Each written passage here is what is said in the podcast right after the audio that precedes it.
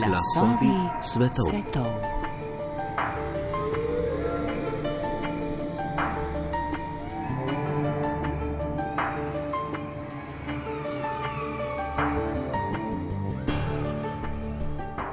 Karl Gustav Jung, ki velja za enega najpomembnejših psihologov in filozofov 20. stoletja, se je rodil 26. julija leta 1875 v Švici. Umrl pa 6. junija 1961 na svojem domu ob Ciriškem jezeru. Tvoje vizije bodo postale čiste, ko boš pogledal v srce. Kdor gleda zunaj, sanja, kdor gleda notri, se prebudi. To je znan Jungov citat.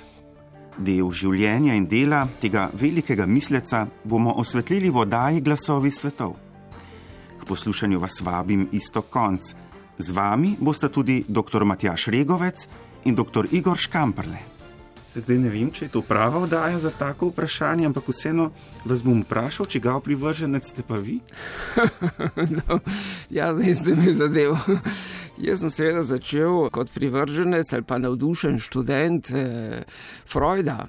Zato, ker eh, Freudovski sistem, Freud, Lacan, eh, kritična teorija družbe, Adorno, Markuze in navezava na marksizem, na kritično teorijo družbe, to je bila tista osnovna smer vseh, ki smo študirali v Ljubljani v 80-ih, 70-ih, 80-ih, potem po svojih lastnih osebnih, kot tudi eh, spoznanjih in branju, eh, sem pa zelo naklonjeno tudi pristopil na jungovsko stran.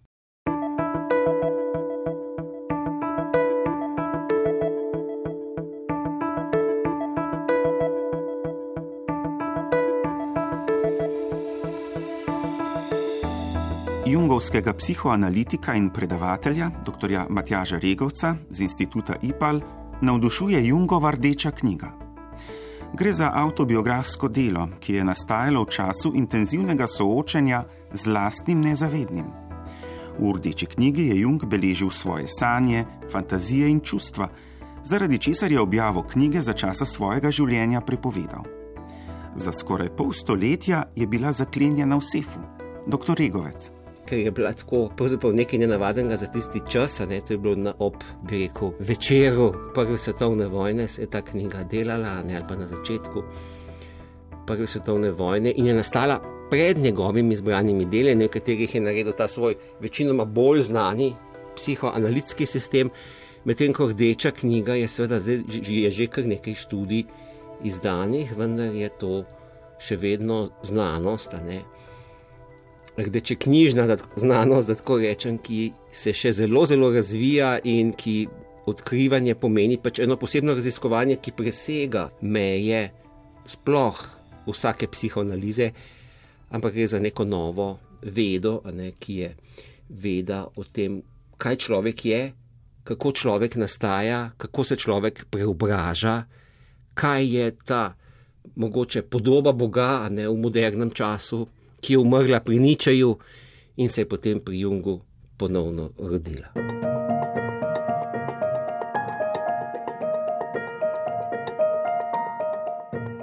Vse je utrplo in v smrtni tišini. Tesnobno in skrivoma čakam. Vidim drevo, ki se dvigne iz morja. Njegova korona sega do nebes in njegove korenine grabijo vse do pekla. Povsem sam sem in obupan, gledam izdaljav. Tako je, kot da bi vse življenje steklo iz mene in se povsem predalo temu, kar je nedoumljivo in strašljivo. Povsem šibek sem in nesposoben. Odrešitev zašepetam. Tuj glas spregovori. Tukaj ni nobene odrešitve. Vendar se morate vesti mirno, saj sicer motite druge. Noč je in drugi ljudje bi radi spali vidim, da je to stražnik. Dvorana je mračno osvetljena z majhno svetilko in žalost leži nad prostorom. Jaz nisem našel poti. On reče: Zdaj vam ni treba iskati nobene poti. Govori resnico. Pot ali karkoli naj bi to bilo, na katero se odpravi človek, je naša pot, prava pot. ne obstajajo nobene uhojene poti v prihodnost. Pravimo, da je to ta pot in tudi je. S tem, ko hodimo, gradimo ceste. Naše življenje je resnica, ki jo iščemo. Samo moje življenje je resnica, resnica nasploh, überhaupt. S tem, ko živimo, ustvarjamo resnico. Rdeča knjiga, Liber Secundus, poglavje Nox Tercia. Rdeča knjiga je bila prvič objavljena po Jungovi smrti leta 2009. Sogovornik pravi, da je takrat naletela na buren odziv. Je pokazala en drugačen obraz in ga še vedno kaže, en drugačen obraz Jungov, Junga, ki ni samo psihik, ne, ampak Junga, ki je prerok neke moderne, če rečemo tako, vodnarjeve dobe, če govorimo o teh simbolih ne, moderne dobe. Predvsem je tukaj pomembna njegova podoba Boga. Ne, torej, on je nekako ugotovil skozi lastno potovanje, opisoval, ne, kaj bi zdaj lahko bila neka moderna podoba človeka v, v novem veku. Prišel je do tega, da pravzaprav je to to, kar človek naredi sebe, no, če rečem kratko, in da nihče ti tega Boga več ne more zagotoviti, ne, če sam svojega življenja nekako ne usmisliš. To pa ni samo tako, da nekaj meditiraš, je tudi to pomembno, ampak predvsem kaj narediš. Dejanja šteje, dejanja so tista, ne, ki pomenijo neko sveto dimenzijo človekovega razvoja, nastajanja, preobrazbe, ki jo je on imenoval individuacija. Torej, kako postati dobesedno individuum, kako nehati biti ovca. En znan stavek iz rdeče knjige pravi: ne, Ni treba, da ljudi spremenjamo v ovce. Ovce moramo spremeniti v ljudi. In mislim, da je to prav v današnjem duhu časa, a ne zelo pomembno. Zelo pomembno, da se spomnimo, da človek postati, postati individuum je zelo težka naloga. Dr. Regovec je leta 2001 v Švici obiskal Jungovo hčerko in nekaj dni preživel v Jungovi domači hiši ob Ciriškem jezeru. Jaz sem bil pa ne štiri dni, pač na to jesensko je na konoči, a neko odprejo pravzaprav to hišo ob jezeru, ki jo Jung sam gradil, tam so tudi znameniti napisi, ki jih je sam delal, klesal, je pričevanje nekega no, njegovega procesa, torej on je zraven, ko je pisal tekst, je zraven tudi gradil. Ne? Da vedel je, kako je pomembna tudi konkretna telesna človekova dejavnost. Govorila sva pač vsako jutro ob zajtrku, ki ga je ustrajala, da ga bo ona pripravila. Pogovarjala sva se pa vse mogoče, pač kako so živeli, kako je bilo med vojno, kako je bilo tudi težko, kako je njen oče praktično vse čas delal. Ne. In pravzaprav razmere so bile pač v družini tudi temu prilagojene. In družina, ne, je bila, je bila tudi tista, takrat še ni dala rdeče knjige ven, ki je imela to rdečo knjigo. Zaklenjeno rdečo knjigo, ki jo od leta 2015 lahko beremo tudi v slovenščini. Izšla je pri založbi Beletrina.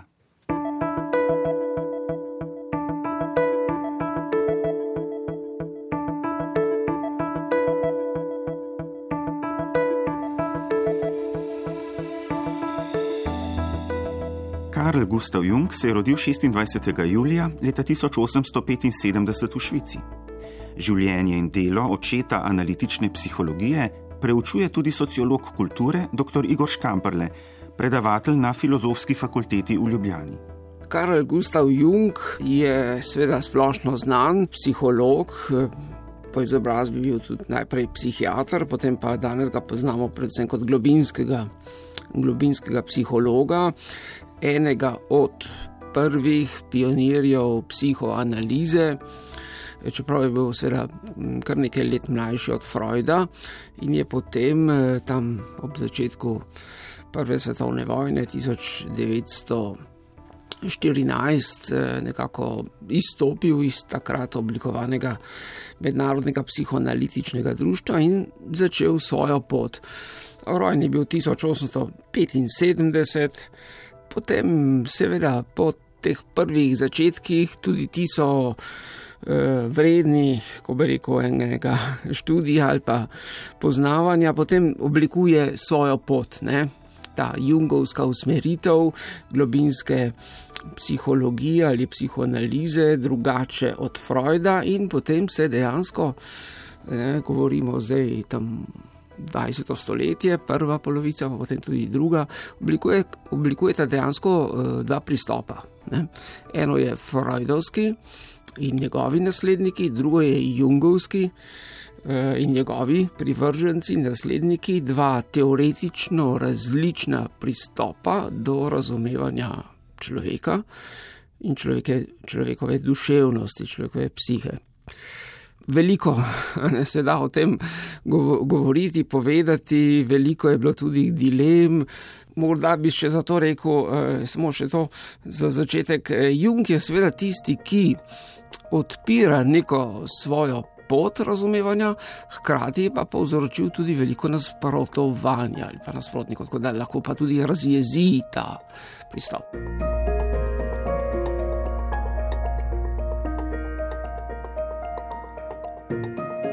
Jungova razmišljanja so dragocen prispevek v zakladnico spoznanj človeštva. V psihologijo je uvedel pomembne koncepte, kot sta naprimer kolektivno nezavedno in arhetip. Kaj navdušuje sogovornika? Tako vstop skozi Jungovo življenje, potem človeka marsikaj nauči, ga vidi, ker Jung se je najprej bil psihiater, potem si je odlepil od Freuda, potem je upeljal novo polje, se srečeval z alternativnimi duhovnimi tradicijami v, v zahodni kulturi, gnosticizmom, mitologijo.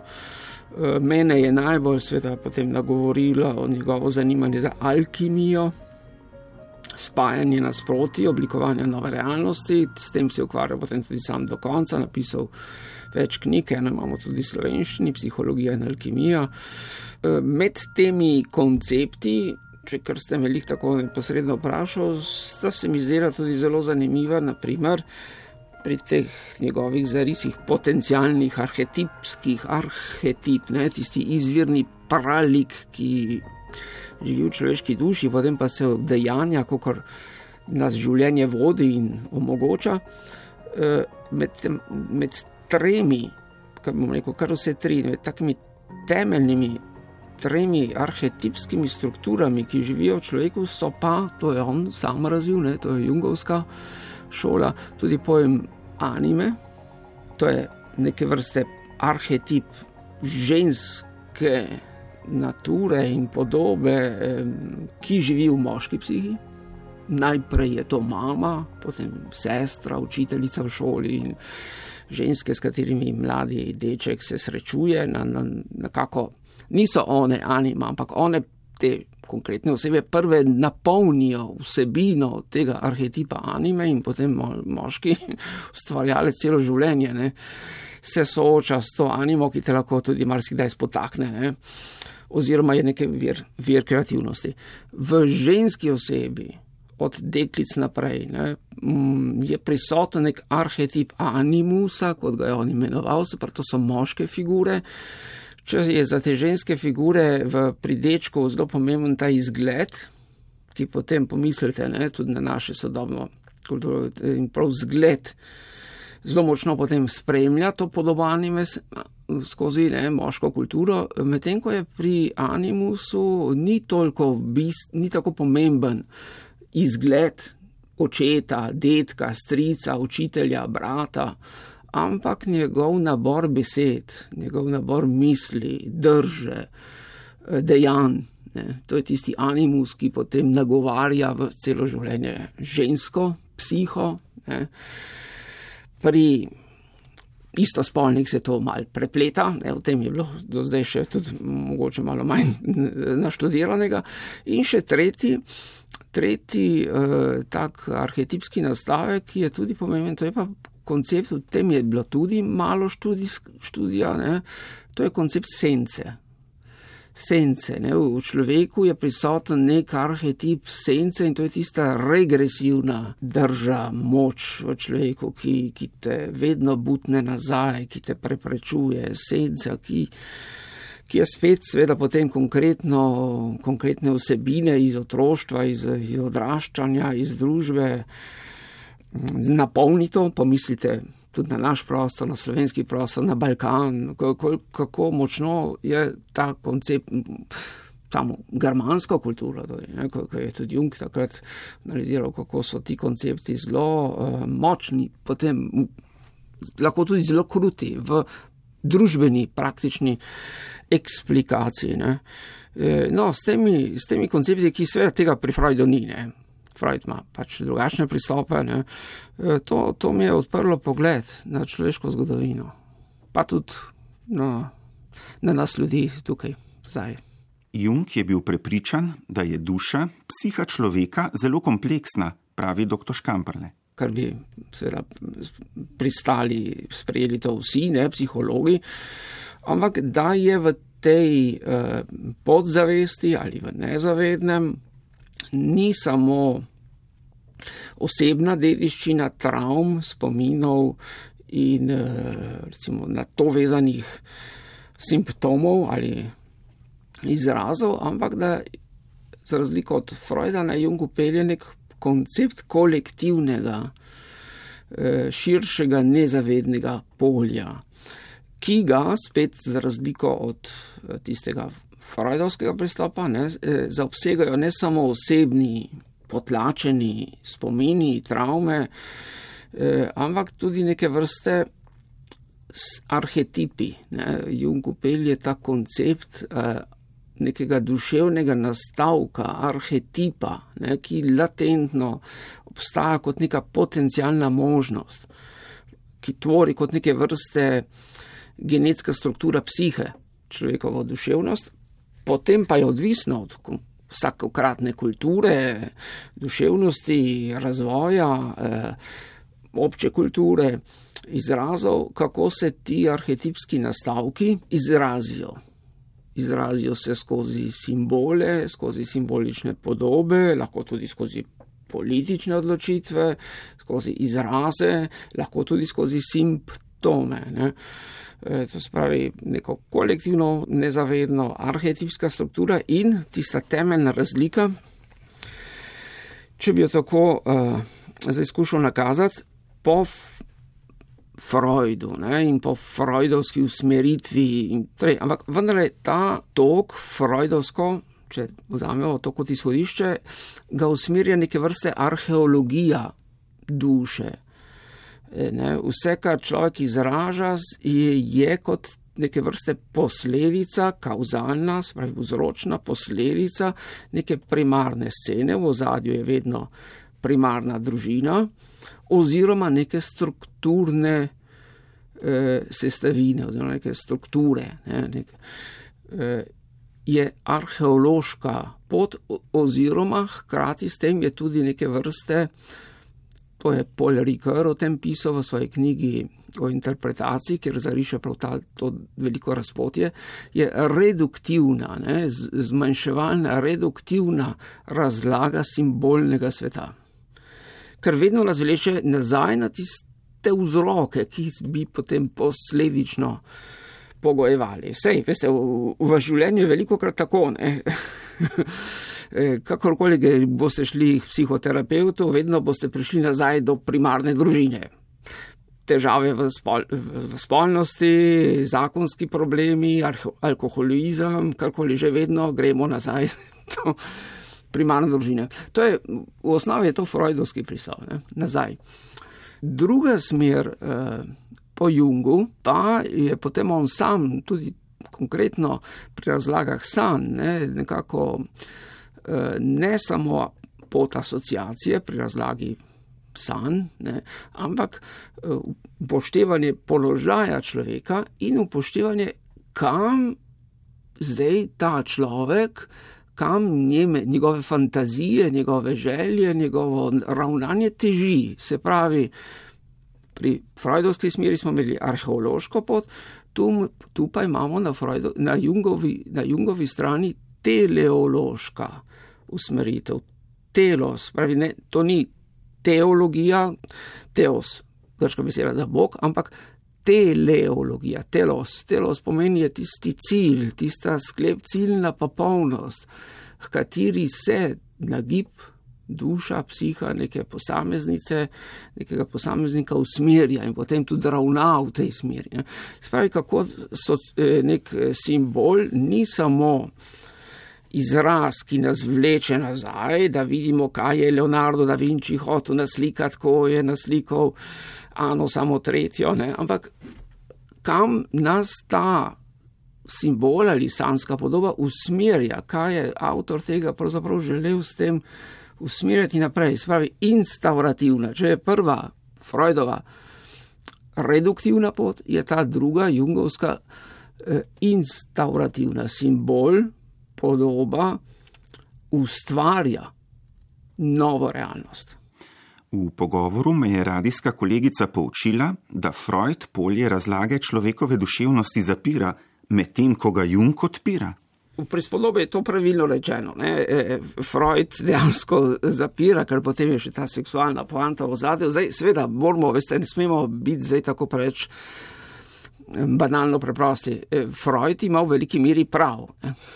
Ljudje imamo veliko tega regresivnega v sebi in veliko, kar počnemo, vsakokratnih izrazov, je dejansko vzročno povezana ali pa posledica neke naše potlačene vsebine in vsega, kar potem Freud je kot imeniten duševni arheolog razkril. Ampak Jung je že takrat, ko se potem razidete, reče, to ni vse. Ne, psiha človeka je usmerjena tudi naprej k oblikovanju nove realnosti. In brez tega upoštevanja uh, oropamo človeka. Torej, človek, psiha se tudi ni, ni nujno, da je vedno pozitivna, ne? ampak je vendarle intencionalna, kot rečemo v filozofiji, tudi, ne, intencionalna, usmerjena k nečim, nečemu, kaj vse je to spet široka debata, ne, ampak je intencionalna psiha. Človek ni samo učinek preteklih potlačenih struktur in družbenih dejavnikov, ampak je tudi avtonomno bitje za nekaj. Ne, tudi če pogledamo religiozno, ne, odrešenje, religija, vera naša govori o odrešenju človeka, ampak to ni samo vrnitev nazaj v tisto popolno stanje, ampak je odpiranje človeka za neko idealno prihodnost, ta utopično pozitivni projekt. Ne.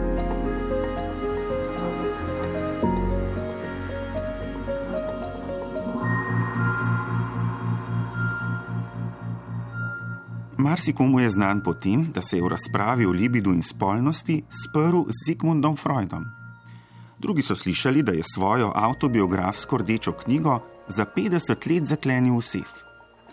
Večina pa ve, da je oče analitične psihologije.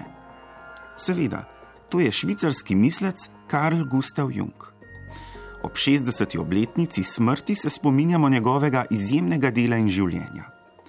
Sogovornika oddaje Glasovi svetov sta jungovski psihoanalitik dr. Matjaš Regovec in sociolog kulture dr. Igor Škamparle. Jung je bil zelo dejaven kot psihoterapeut, kot psihoanalitik, pravi dr. Regovec. Psihoanaliza je, jaz vidim kot eno, enovito vedo, zdaj iz katere smeri se je nekdo šolal, mogoče kasneje postane manj pomembno. In uh, znano je, recimo, da imamo psihoanalitiki različnih smeri, starejši in med nami manj razlik, a ne kot pa med dvema psihoanalitikoma iste šole, mlajšima.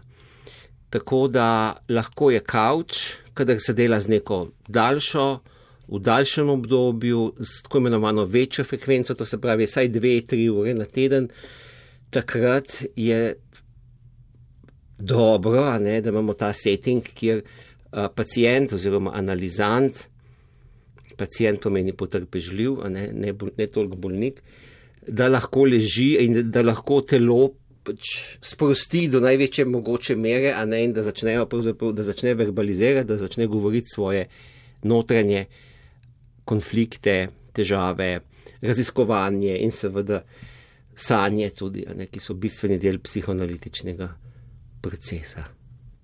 Kakšna je pa vloga pa terapeuta? Terapeuta, psihoanalitika. Torej, jaz ne vidim, da je psihoanaliza neka veja psihoterapije, ne psihoanaliza je več uh, kot psihoterapija. Seveda sta to, uh, psihoterapija je šla potem iz uh, analize, ampak v psihoanalizi je ta temeljni element, ki je, ki je pač na, uh, drugačen in ki pomeni dodatno dimenzijo zdravljenja, psihoanalitske obravnave in psihoterapevtskega zdravljenja, je interpretacija, psihoanalitična interpretacija in še posebej v povezavi z sanjami.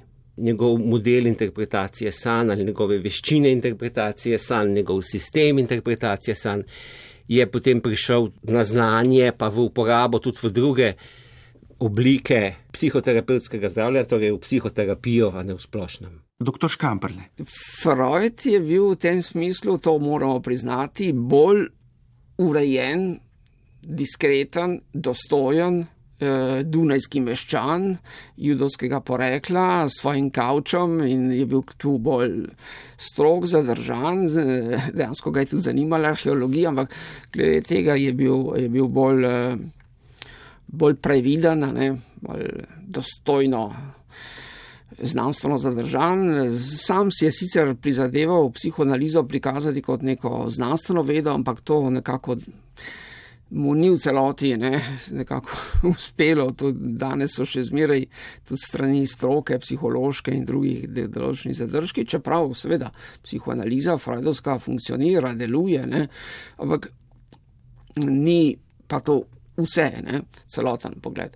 E, Jung je pa bil tu mlajši, seveda, ne, dva, skoraj 20 let, 18 let mlajši, bolj, bolj ga je zaneslo, ne, Uh, imel je ženo, ki je imel rad, vse življenje sva bila, sta bila zvesta, eh, uh, Ema, Raušenbach in uh, imela sta, mislim, da pet otrok. Hkrati pa je imel tudi potem, tudi skozi ta proces, recimo psihološke analize, tako Freud kot Jung potem tudi dejansko odkrijeta in opišeta ta koncept transferja, prenosa duševne moči, energije, iz analitika, učitelja, zdravnika na pacijenta in obratno, ne, in tu se je treba temu zelo previdno ravnati. Torej, tu ga je tudi zaneslo, imel je taki dve znani ljubici, e, ena je bila Sabina Špilnarajn, ki je prišla k njemu analizo, to je bila ruska judinja. Si nekaj časa potem obiskovala oba, tako Freuda kot Junga, si obema tudi dopisovala. Jung se je nezadržno, sveda, torej ne, ne premalo pozornosti zaljubil, ne, tudi ona. In druga, Toni Wolf, Toni Wolf, Antonija Wolf. Obe sta pokazali velik talent tudi za psihologijo, za psihološko analizo in ta Toni Wolf je. Ta prva, torej Sabina Špilnarajn, je šla potem po svoji poti naprej. Toni Wolf je pa ostala vse življenje, prijateljica, družinska, ne?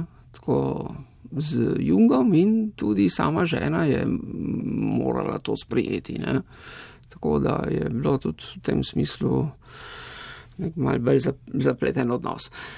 Tako, lete, to so take ne, intelektualne posebnosti anekdote, ampak za razliko od Freuda, ki deluje kot tisti suvereni profesor, učitelj, ki ne naredi nič narobe, ne, pač vidi pa seveda na, na svoj način, je bil Jung tu bolj. Uh, ga je ta psihološki veter bolj zanesel.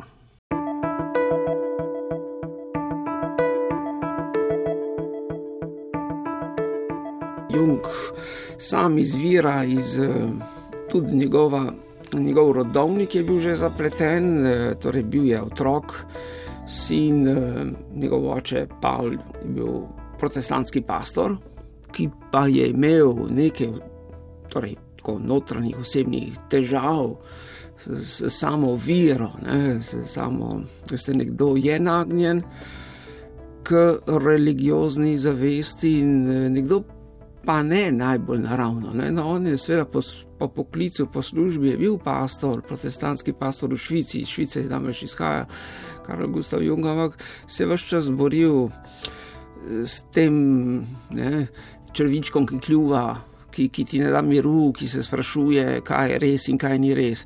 Tako da mm, je bil tak, da mora reči, pogojno rečeno, ne, na način uh, obremenjen, šipkejši oče, po drugi strani pa imamo zelo močno mamo, Pravšenbach, ne, tudi ona z zanimivim rodovnikom nazaj, ne, po očetu, torej oče Jungov pradet. Po očetovi strani pradet naj bi bil celo nezakonski sin pesnika Geteja. Mama pa se mu je zdela, tako kot je včasih, pa piše v svoji knjigi, ki jo imamo tudi v slovenščini, spomini sanje misli, nekaj taka zapletena, seveda duševna, psihološka bi autobiografija, ne, ki jo je zapisala ena od potem njegovih učenk, Anjela Jafe, eh, s velikim podarkom na tej introspekciji. Ne. Pravi, kako je eh, že kot otrok gledal včasih, ker sta potem imela tudi ločeno spalnico, oče in mama. Ne.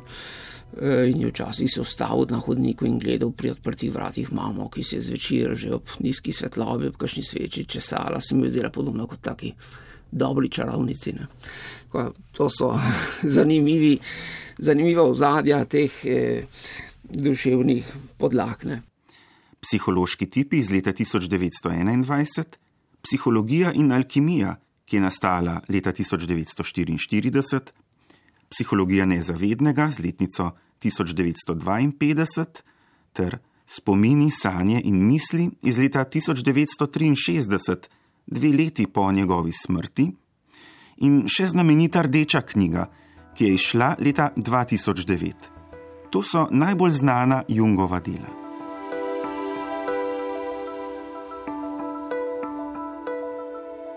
Spregovoril sem svojo kačo. Zares, moja kača, nisem vedel, da si tudi pravličarka, to da povem mi, kako naj si razlagam tvojo pravljico. Kača, Predstavljaj si, da si stari kralj in imaš sina. Jaz? Kdo je sin? Kača? No, mislila sem, da si pravkar govori o sinu, ki ti daje malo zadovoljstva. Jaz? Kako? Se vendar ne misliš, njega naj bi ukronal? Kača? Da, koga pa? Jaz? To je grozljivo. In kaj je s čarovnico? Kača? Čarovnica je materinska ženska, ki ji moraš biti sin, saj si ti samo sebi obnavljajoči se otrok. Jaz? Gorje, ali za me ni mogoče, da bi kadarkoli postal moški? Kača? Dovolj moškosti, povrh tega pa še otroškost v polni meri, zato potrebuješ mater. Jaz? Sram me je biti otrok.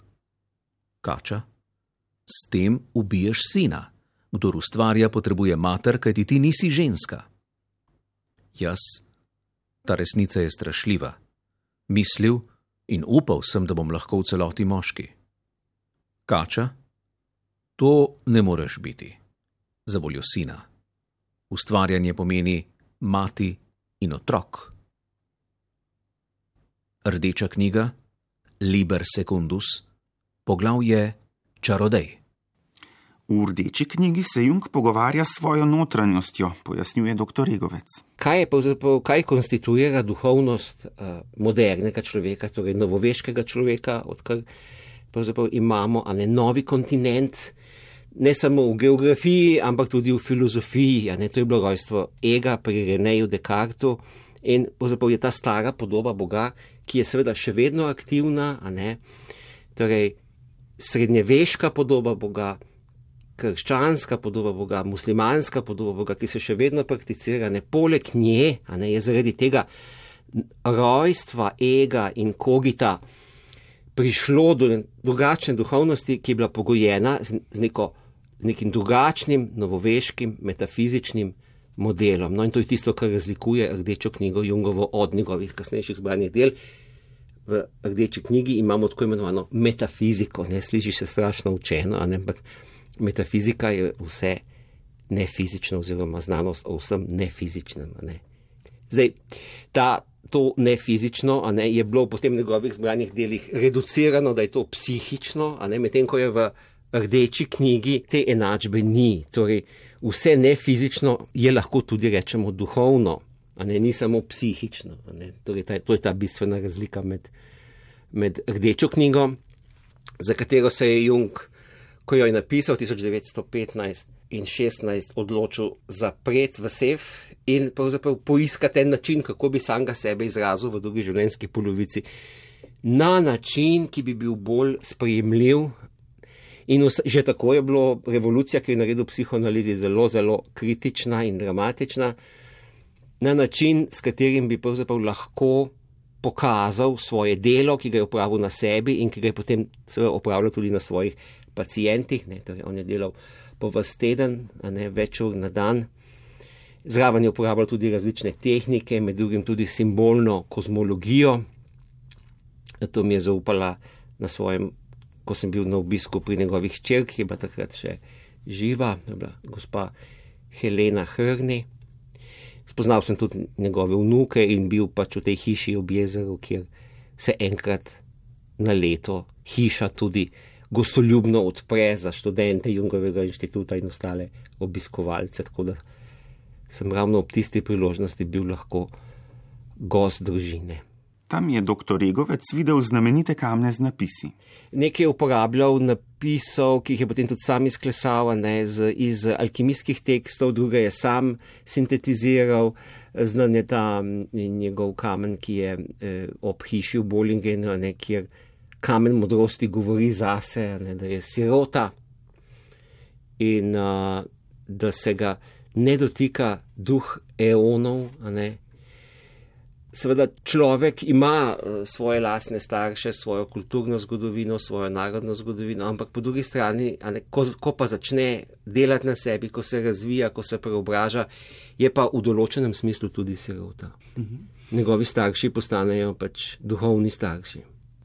Torej, on je raziskoval s tem upravim simbolno kozmologijo. To se pravi, eh, proučeval je izročilo povezav gibanja naravnih ciklov planetov, zodijaka in pač krajevnega sistema, obzorja, simboliko, ki je bila pač tisočletja stara in jo uporabljal za e, svoja arhetipska proučevanja.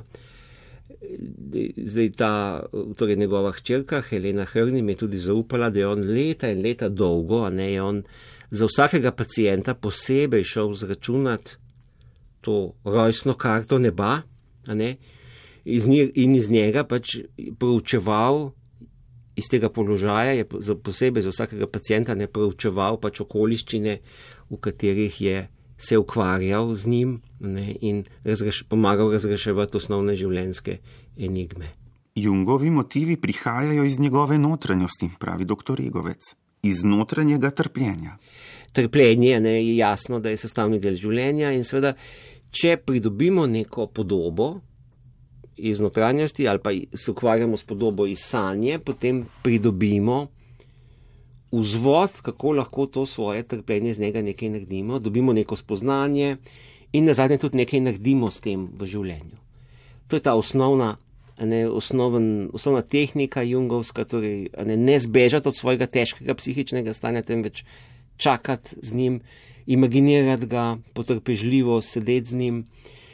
In če pač s pomočjo, če imamo nekoga, s katerim to delamo, terapeuta ali koga drugega, s katerim lahko eh, skupaj premagujemo ta stanja, ne, so, je potem to lahko nek produkt, ne, neka nova zavest, neka sposobnost, ne, ki se tudi razvija lahko v veščino, kako delamo na sebi. Ne, in namesto tega, da bi bili žrtve nekega trpljenja, ne, naredimo iz sebe nekaj več kot smo bili do tedaj.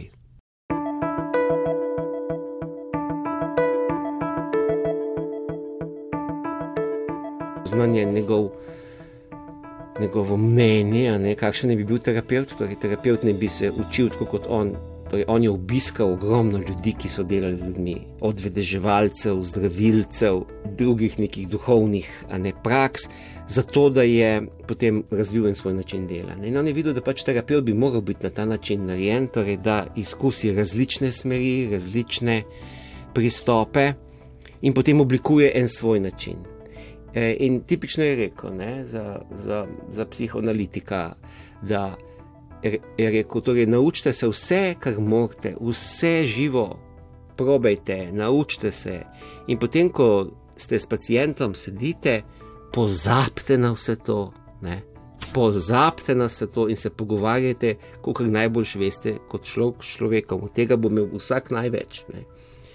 torej vedel je. Zdaj, če pogledate, kako je on to videl, to ni način, kako je danes vidi proces psihoterapija ali pa neka klasična psihoanaliza, kar, kjer so meje veliko bolj ostre, veliko bolj določene. In torej, ne, način, kako je on to videl, kako je on to propagiral, pokazal, je bil več od tega. Je, in tudi ni bila to filozofija, ne, ker on, čeprav je eh, zelo spoštoval določene filozofe, Ničeja in druge, ampak tudi ta rdeča knjiga je napisana po nekem, po nekim, po nekem formalnem modelu oblike, ki je bil zelo podoben uh, uh, Ničevemu, tako je govoril za Ratustra. Ampak tudi, filozofi, tudi v filozofiji on ni sprejet, ker enostavno njegovo pisanje ni na ta način narejeno. Niti ni narejeno na psihološki način, tisti klasičen psihološki, niti na klasičen psihoanalitičen. Tako da to upanje, da bo Jung zdaj nekam nekje bil priznan, ne, je pravzaprav je treba pustiti. Torej, je treba vzeti kot fenomen, ki na nek način, da rečem tako, fungira, ne, ki deluje, ki se samo od sebe vrti v neki duhovni zgradbi modernega sveta in ki pomeni za navdih za marsikoga, ki od tam lahko pač vzame to ali ono, ne, ampak Jung sam je pa neponovljiv. Dr. Regovec pojasnjuje, da Jung v resnici ni bil nikjer sprejet. To je ena zadeva, druga pa, torej ni bil sprejet kot psiholog, ni bil sprejet kot psihoanalitik od takratne, pa še današnje ostale psihoanalize, ni bil sprejet kot filozof, In potem njegov problem, katerim, ki je vedel, da bo nastal po, njegovem, po njegovi smrti, to je bil problem imitacije. Torej, on je strogo, torej, on ni želel, in to mi je tudi njegova družina še enkrat potrdila, on ni želel, da se šola analitične psihologije, kot jo je imenoval, uh, imenuje po njem. Je tudi ni pusto, ampak seveda to se je vseeno zgodilo. Torej, iz enega enostavnega razloga, ker je vedel, da pač s posnemanjem torej, človek lahko tudi posnema, otrok tudi posnema. In v tem posnemanju je zelo blizu opici. Ampak človek je mnogo več kot posnemanje. Ne? Človek se mora naučiti najti svoj avtentičen način funkcioniranja, sebe eh, res postati neponovljiv, nikomu podoben v končni fazi, seveda smo vsi ljudje, vsi smo v tem kolektivnem smislu podobni, ampak v končni fazi moramo razviti, ali pa ne bi razvili vsak svojo enkratno neponovljivo osebnost. Um, in zavedal se je tega problema imitacije, kaj se zgodi, ne, če zdaj nekoga posnemamo. No, ampak sej, ne, po drugi strani, to je tudi do neke mere treba, ne, ker otroci se učijo, tako da posnemajo ne samo opice, pa psi, pa mačke. Ampak tudi človeški otroci nekaj časa posnemajo. Ali pa recimo telesne veščine posnemamo. Recimo borilne veščine moramo najprej posnemati nekoga, da lahko razvijamo svoj način, ali pa ples. Da, ampak uh, torej, zdelo se mi, bil je, bil je mnenja, ne, da tega ne smemo narediti z večino svojega življenja.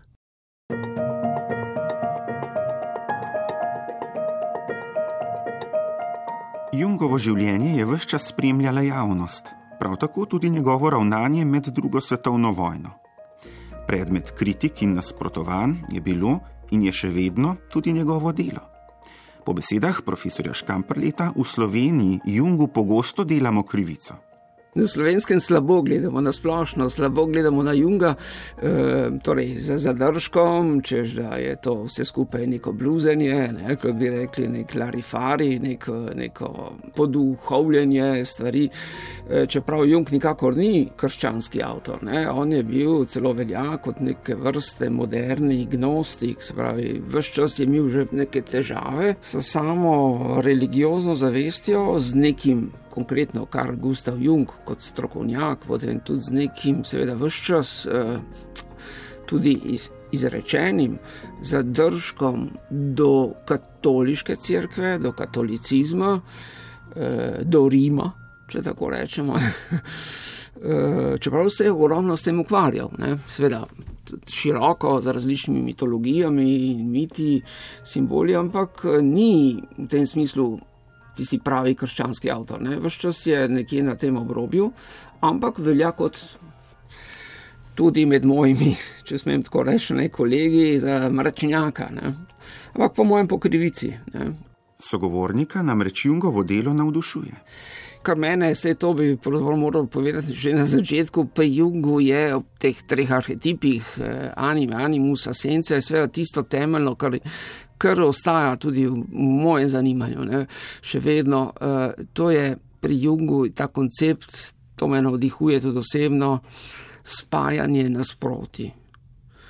Unijo, mistika, spajanje, spajanje nasproti moškega, ženske, snovi duha, intelektualnega in naravnega, ali če hočete tudi na tej kozmični ravni, človeškega in božjega.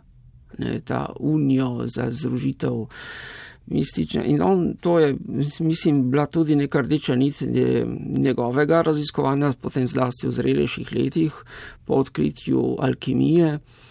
Mysterium Conjunctionis je ena od njegovih velikih knjig, ne, Misterij združitve. Imamo na nek način v Eproveti mistično spojino, pa nastane nova realnost, ampak on je potem to, zato Jung upelje potem ta psihološki pogled tudi na to staro, recimo alternativno tradicijo alkemije, psihološko razlago. Seveda ne gre samo za dej, spojitev dveh eh, elementov, eh, spojine, ampak gre tudi za naduševni ravni. Ne? In kaj pa je človeško življenje drugega kot iskanje te združitve? Znotraj te združitve pravzaprav pride tudi novo življenje, ne?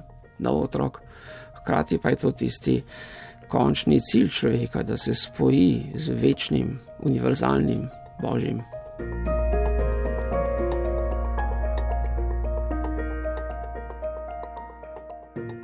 Oddajo glasovi svetov zaključujemo s še enim Jungovim citatom.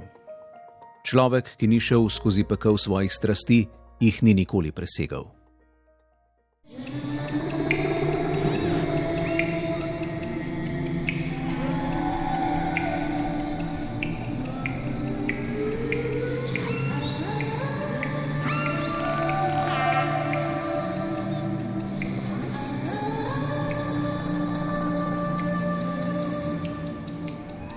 Glasovi svetov. svetov.